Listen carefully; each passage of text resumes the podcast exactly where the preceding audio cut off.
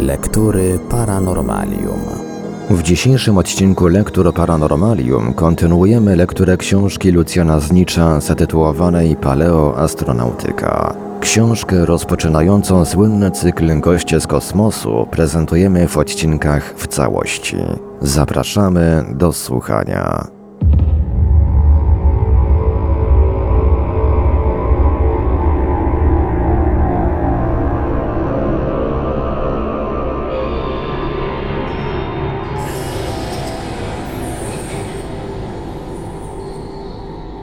Amerykańskie dziwolągi antropologiczne.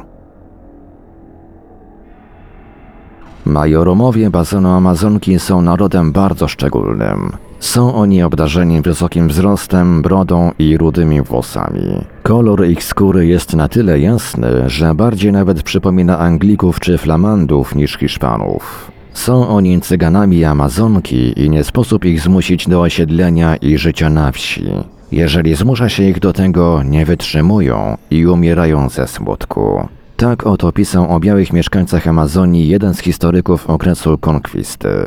A więc jednak biali nie tylko dotarli, ale nawet całymi plemionami żyli w Ameryce. Oczywiście. Poczynając od pierwszych europejskich zdobywców Ameryki, cała plejada odkrywców, podróżników i naukowców zwracała uwagę na istnienie wśród jednolitego typu Indian całych plemion ludzi białych. Wykopaliska archeologiczne świadczą o nie zawsze pokojowych stosunkach między nimi a ludnością indiańską. Na jednym z fresków znalezionych w świątyni wojowników w mieście Majów Chichen Itza przedstawiona jest walka pomiędzy Majami a białymi. Także bardziej na południe, w pobliżu miast Chimbote i Trujillo, terytorium obecnego Peru, znaleziono wazy ozdobione rysunkami przedstawiającymi walkę między Indianami a wojownikami o białej skórze. Ale z drugiej strony Bóg Majów i Zamna, a nawet, jak to ze zdziwieniem stwierdził historyk okresu konkwisty Garcia de la Vega, główny bóg amerykańskiego Olimpu Viracocha, przedstawiani byli z brodą i wąsami, podczas gdy u miejscowej ludności tego typu zarost w ogóle nie występuje.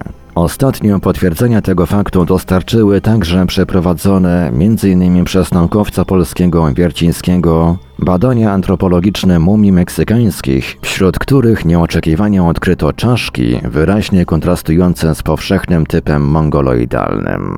Nie tylko jednak biali stanowią zagadkę kontynentu amerykańskiego. Nie mniej tajemnicza jest sprawa. Tak czarnych Indian. Już Kolumb ponoć wspomniał o czarnoskórej ludności Indii Zachodnich. Po nim spotykało różne murzyńskie plemiona na podbijanych przez siebie terenach szereg konkwistadorów. Francisco López de Gomara, Garcia de la Vega, González de Oviedo. Nie dalej wreszcie jak w marcu 1974 roku odkryto w Brazylii na terenie Amazonii całe plemię Indian o czarnej skórze i kędzierzawych włosach.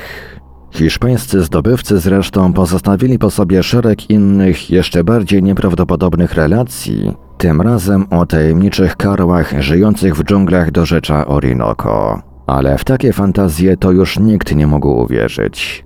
Przez 400 lat Ściślej aż do końca roku 1975, kiedy podczas robót ziemnych w okolicach Caracas w Wenezueli natrafiono przypadkiem na cmentarzysko sprzed pięciu wieków. Znaleziono tu ponad 2000 kośćców ludzkich, a gdy poddano je badaniom antropometrycznym, okazało się, że są to szkielety pigmejów. Bardziej rewelacyjna mogła okazać się chyba tylko wiadomość, że w dżunglach na granicy Argentyny i Boliwii natrafiono na ślady żyjącego do dziś całkowicie karłowatego plemienia Indian. Skąd, jakimi drogami i w jaki sposób te tak różne rasowo typy ludzkie mogły dotrzeć, osiedlić się, a nawet wstąpić na piedestał bogów wśród starych kultur Ameryki Środkowej i Południowej?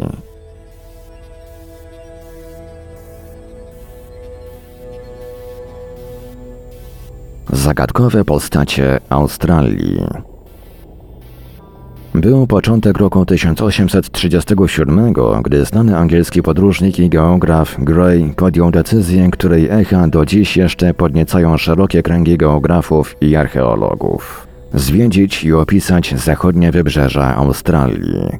Wyprawa zaczęła się dwoma sukcesami. Gray odkrył rzekę Gascoyne, a następnie zbadał bieg odkrytej 12 lat przedtem przez Michela rzeki Glanalak i zakończyła się druzgocącą dosłownie klęską. Którejś nocy statek Greya został zdruzgotany na przybrzeżnych skałach i część załogi, która się uratowała, musiała pieszo wędrować ponad 500 mil wybrzeżem australijskim, zanim dotarła w końcu do jednego z pierwszych miast Australii, Perth. Chociaż kto wie, czy wędrówkę tę istotnie można nazwać klęską. Stała się ona wielką przygodą życia Greya i historii Australii. Bo oto w toku tej przeprawy Gray natknął się na dziesiątki pieczar, w których ujrzał namalowane szereg dziwnych postaci. Nie tylko różniły się one poważnie swym wyglądem od znanych Greyowi tubylców, ale w dodatku większość z nich ubrana była w długie, powłóczyste i nigdy nie używane w Australii szaty. Badacz bezpośrednio po swym szczęśliwym powrocie do Anglii nie omieszkał oczywiście zawiadomić o tym w swojej pracy pod tytułem Podróże cały świat, ale świat się tym ani nie przejął, ani nawet zainteresował. Dopiero 100 lat później, gdy w roku 1931 australijski archeolog Terry odkrył tym razem w Australii Centralnej nową serię podobnych rysunków, odgrzebano przy okazji także podróże Greya. I znów zwrócono uwagę na te same charakterystyczne cechy. Wszystkie znane etnografom rysunki tubylców były skrajnie prymitywne. Te przedstawiały sobą całe bogactwo form.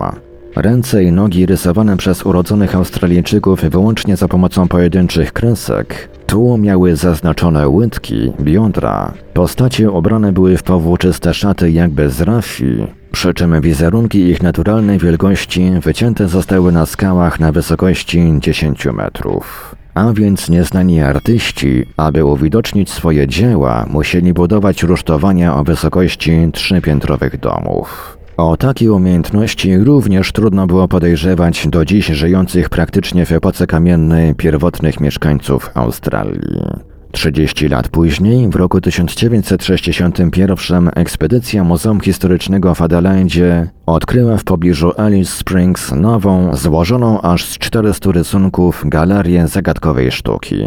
I tym razem kurator oddziału antropologii Muzeum Południowoaustralijskiego Edwards oświadczył kategorycznie, rysunki te nie mogą być przypisane żadnej ze znanych form kultury miejscowej. Więc jak ich pochodzenie wyjaśnić? Może tu właśnie przybyli kosmici.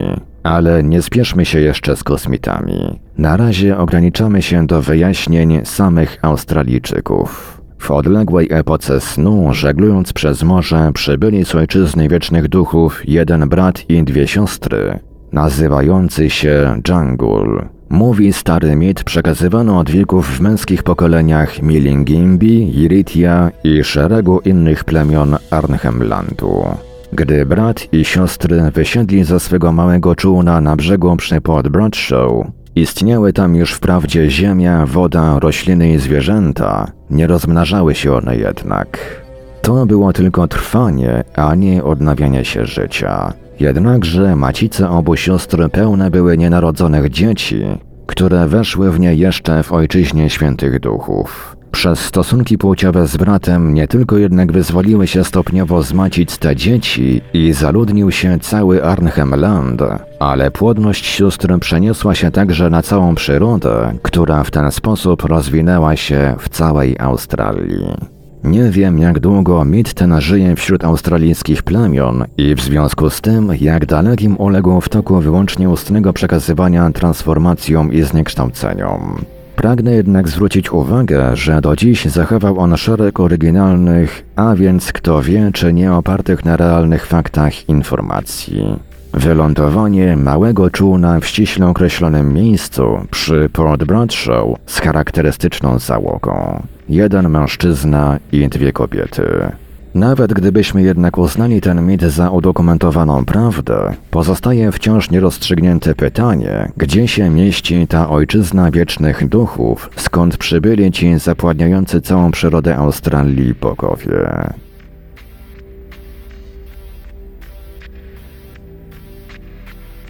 Kosmici czy Egipcjanie? Ale i na to, na co nie potrafi wyraźnie odpowiedzieć mitologia tubylców, zaczyna odpowiadać archeologia. No, odpowiadać to może za wiele powiedziane, ale powiedzmy przebąkiwać. W roku 1910 farmer australijski Henderson podczas budowy zagrody w miejscowości Carros w pobliżu Zatoki Taylora natknął się w głębokiej jamie na bardzo zniszczoną metalową monetę. Najlepszym dowodem słabej czytelności monety, ale i słabego wykształcenia farmera jest fakt, iż przeleżała ona w domu Hendersona ponad pół wieku i leżałaby zapewne spokojnie do dzisiaj, gdyby w roku 1965 nie odkrył jej przypadkiem po raz drugi któryś z jego gości. Dopiero wówczas przekazana do oceny historykom wywołała prawdziwą sensację. Na jednej jej stronie znajdowała się głowa rogatego Zeusa Ammonijskiego, na drugiej zaś orzeł trzymający piorun. Nie ulegało najmniejszej wątpliwości. Była to moneta egipska wybita przez Ptolemeusza IV, panującego w Egipcie w latach 221 do 204 przed naszą erą. O ile odkrycie monety jednak zapoczątkowało serię dowodów na kontakty starożytnych kultur śródziemnomorskich aż z Australią, o tyle odcyfrowanie jej raczej już tę serię kończyło bo w okresie półwiecza, gdy egipska moneta leżała w domu Hendersona, Australię nawiedziła prawdziwa fala niezwykłych odkryć. Już w roku 1928 antropolog G.E. Smith z Uniwersytetu Manchester stwierdził, iż na Malajach wielu mieszkańców nosi imiona jako żywo przypominające imiona staroegipskie.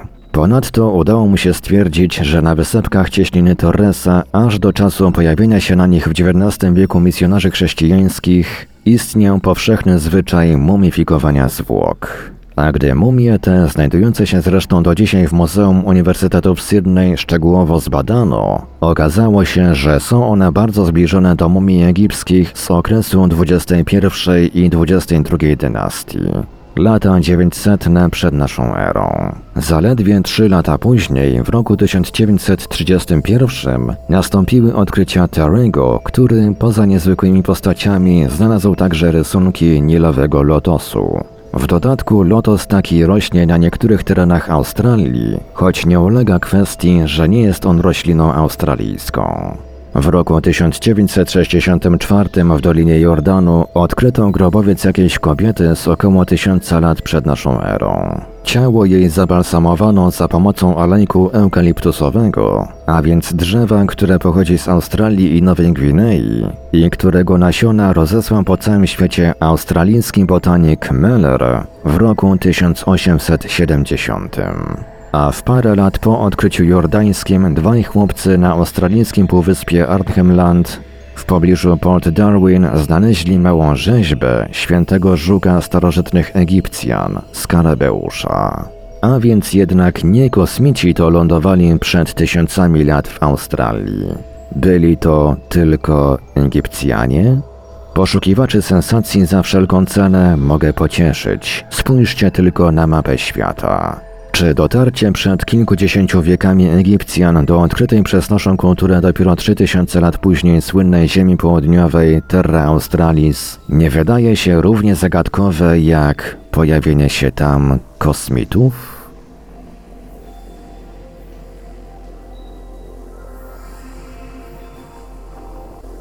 Bękarty człowieka z szatanem.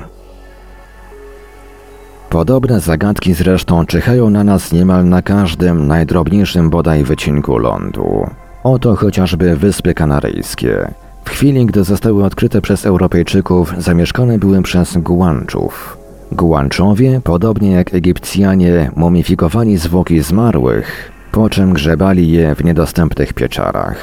W niektórych z nich znaleziono po kilkaset, a nawet do tysiąca mumii. Niestety, gdy wieść o tym dotarła do Europy, uznano je, zgodnie z ówcześnie panującymi poglądami, za owoce grzesznego stosunku człowieka z szatanem i wszystkie spalono. A szkoda, bo tylko one mogłyby chyba wyjaśnić tajemnice mieszkańców Wysp Kanaryjskich. W chwili odkrycia nie znali oni żadnego pisma, a ponadto żadnego statku, łodzi czy bodaj tratwy. Jak więc dotarli na wyspy? I kto wobec tego zostawią w licznych pieczarach wykute napisy, których do dzisiaj zresztą nie udało się odczytać? Fenicjanie czy Nomidzi, jak przypuszczają jedni. A może Berberowie, Rzymianie, Wandalowie, czy nawet amerykańscy Indianie, jak przypuszczają inni. I nie są to podejrzenia całkowicie wyssane z palca. Zaledwie w roku 1971 jeden z archeologów amerykańskich odkrył na wyspie Bober, Antyle, wykuty w ścianie pieczory hieroglif Majów, oznaczający jeden z 20 dni ich tygodnia. A z drugiej strony znany historyk rzymski Pliniusz Starszy, jak też i Pomponiusz Mela zgodnie podają, że prokonsul Galli Metelius Celer w roku 60 przed naszą erą otrzymał w prezencie od króla plemienia celtyckiego Boi kilku Inków, których morze wyrzuciło na wybrzeża Germanii, dzisiejszej Francji. Niemniej tajemnicze jest pochodzenie ludności Polinezji.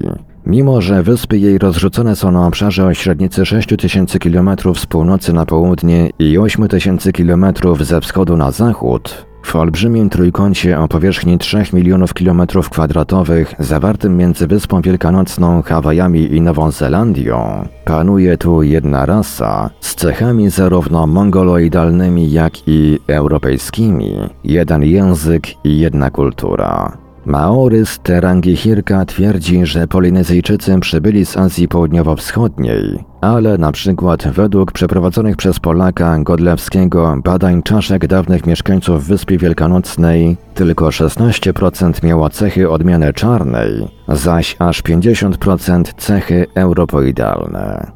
Heyerdahl uważa, że wyspy te zostały zaludnione przez mieszkańców kontynentu amerykańskiego, zaś badacz legend Tahiti Morenhout już w roku 1837 wysunął hipotezę, że mieszkańcami współczesnej Polinezji są uchodźcy z uległego kataklizmowi kontynentu Pacyfidy, czy Mu, czy jeszcze jak go tam nazwiemy.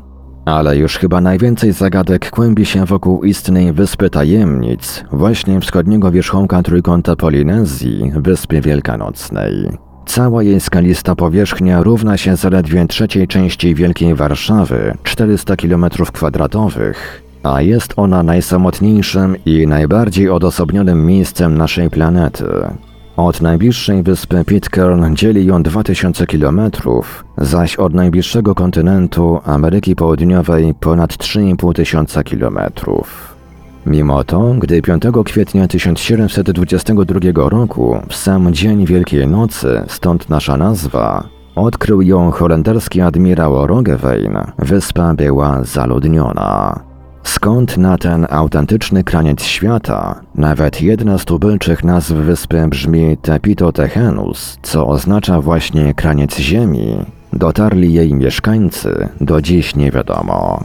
Jeden z osiadłych tam misjonarzy, Eirand, stwierdził w latach 1866-1867, że krajowcy rzeźbią w drzewie za pomocą ciosanych kamieni figurki nieznanych na wyspie zwierząt. Ekspedycja amerykańska w roku 1886 odkryła na jednej ze skał płaskorzeźby, w których kierownik wyprawy Thomson rozpoznał rysunki pokrywające ceramikę starożytnych Inków.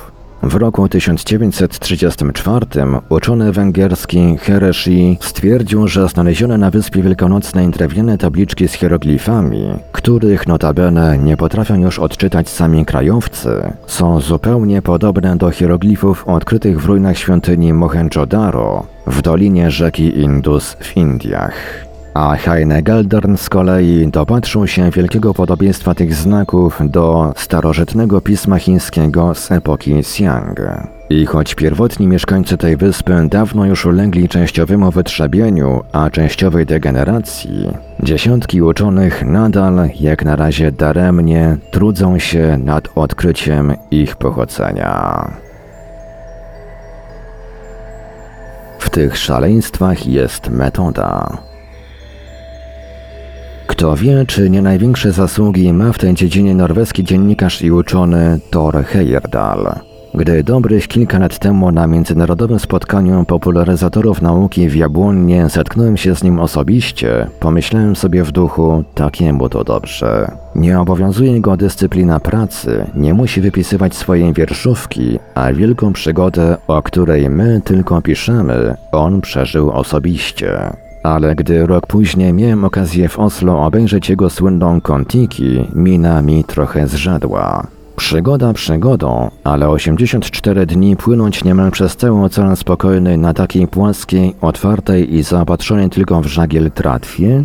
A gdy znów po kilku latach w pobliżu Okinawy sam miałem okazję na solidnym zresztą statku pasażerskim doświadczyć jaki to spokojny jest ten Ocean Spokojny, nie proponowałbym już nikomu mojej miny oglądać. Heyerdahl nie jest oczywiście pierwszym śmiałkiem, który odważył się stawić czoło wielkim oceanom świata. Prawda, pokonał on gigantyczną odległość na tratwie, ale bądź co bądź posiadającej sześcioosobową załogę. Tymczasem już w roku 1895 zupełnie samotnie opłynął cały glob ziemski Kanadyjczyk Slocum, po nim żeglowali podobnymi szlakami Mulhauser, Stock, Pigeon, Drake, Voss, Gerbold, Chichester, a także już dwaj Polacy, Taliga i Baranowski. Nie dalej zresztą jak na początku 1976 roku odbyła się w Polsce uroczystość powitania pierwszego Czecha, Kokolskiego, który, mimo iż kraj jego w ogóle nie posiada dostępu do morza, także upłynął samotnie na żaglach cały świat, a dwa lata później pierwszej kobiety i do tego Polki, Chojnowskiej Liskiewicz, która również samotnie na jachcie Mazurek opłynęła świat. Rajdy samotników na jachtach przez Atlantyk stały się już normalną imprezą sportową, a taki przykład Fairfax przepłynął go w łodzi wiosłowej, zaś dr Bombard żywiąc się wyłącznie złowionymi rybami i planktonem. Nie wszystkim jednak chodzi o wyczyn sportowy, o pokonanie odległości, morza, samotności. Są tacy, którzy ryzykownymi wyprawami pragną udowodnić swoje równie ryzykowne według innych hipotezy.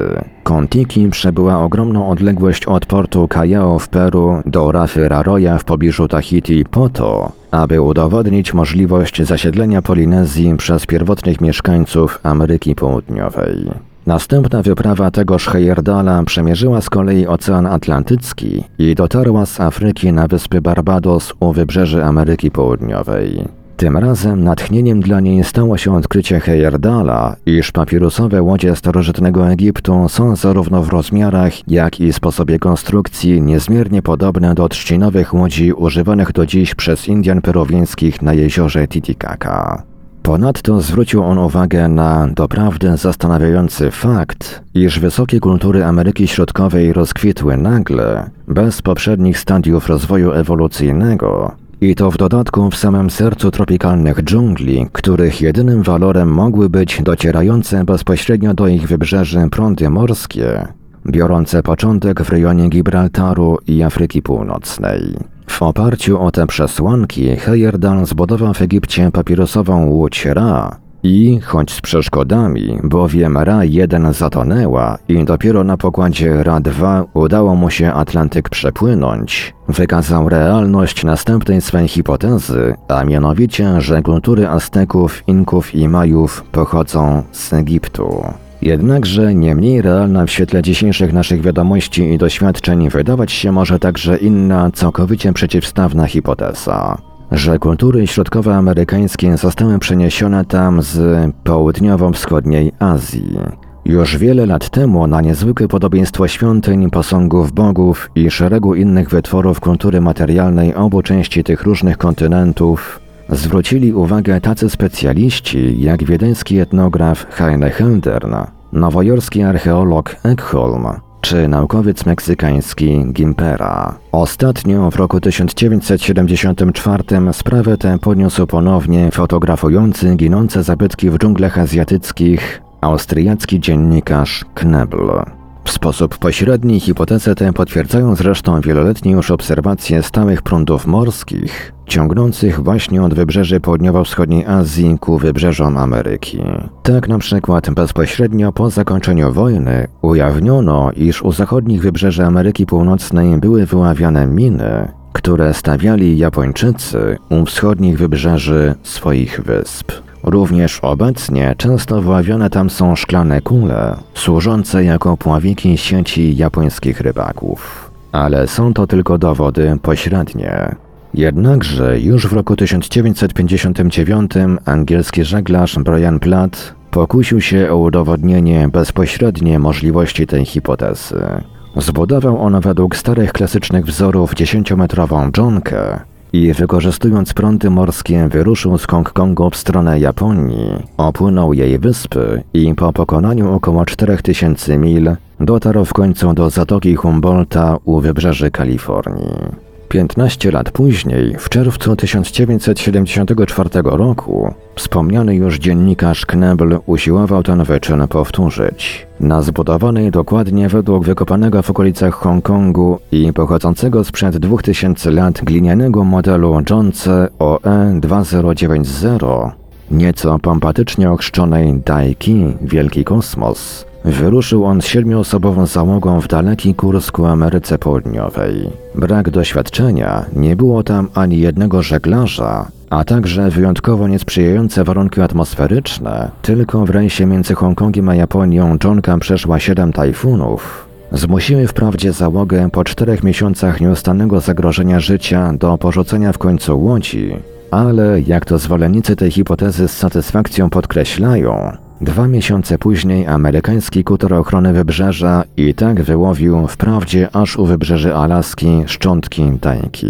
A już rok przedtem, niestety z podobnym skutkiem, Alzar zorganizował na trzech tratwach wyprawę, która wyruszyła z portu Guayaquil w Ekwadorze na Ocean Spokojny, by po przepłynięciu 16 tysięcy kilometrów udowodnić możliwość dotarcia mieszkańców Ameryki Południowej do wybrzeży Australii. Szaleństwa, powiecie. Tak, niewątpliwie. Ale w tych szaleństwach rzeczywiście jest metoda. I nie tylko metoda, co ważniejsze, cel udowodnić możliwość tego rodzaju podróży. Tak, ale jak udowodnić ich realność?